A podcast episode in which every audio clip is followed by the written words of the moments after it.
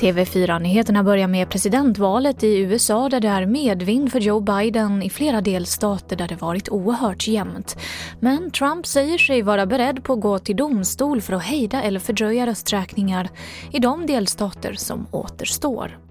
Det kan spela rätt stor roll i det fall som finns i Högsta domstolen nu som gäller Pennsylvania och om det fallet skulle bli avgörande och prövas där då kan det ha betydelse att presidenten har fått utse tre domare och den nytillträdda domaren Amy Coney Barrett, hennes röst kan bli utslagsgivande i en process. Det sa Fredrik Bergman som är jurist. Och så till Norge som skärper sina coronarestriktioner.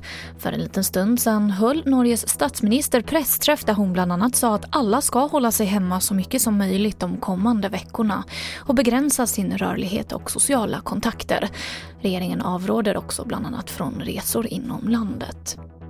Och konsumentombudsmannen har förbjudit flygbolaget SAS att dröja längre än sju dagar med att återbetala pengar till de som fått sina flygresor inställda. Och nu hotas SAS av ett vite på en miljon kronor i månaden om de bryter mot det nya förbudet. Och det var det senaste från TV4 Nyheterna. Jag heter Emily Olsson.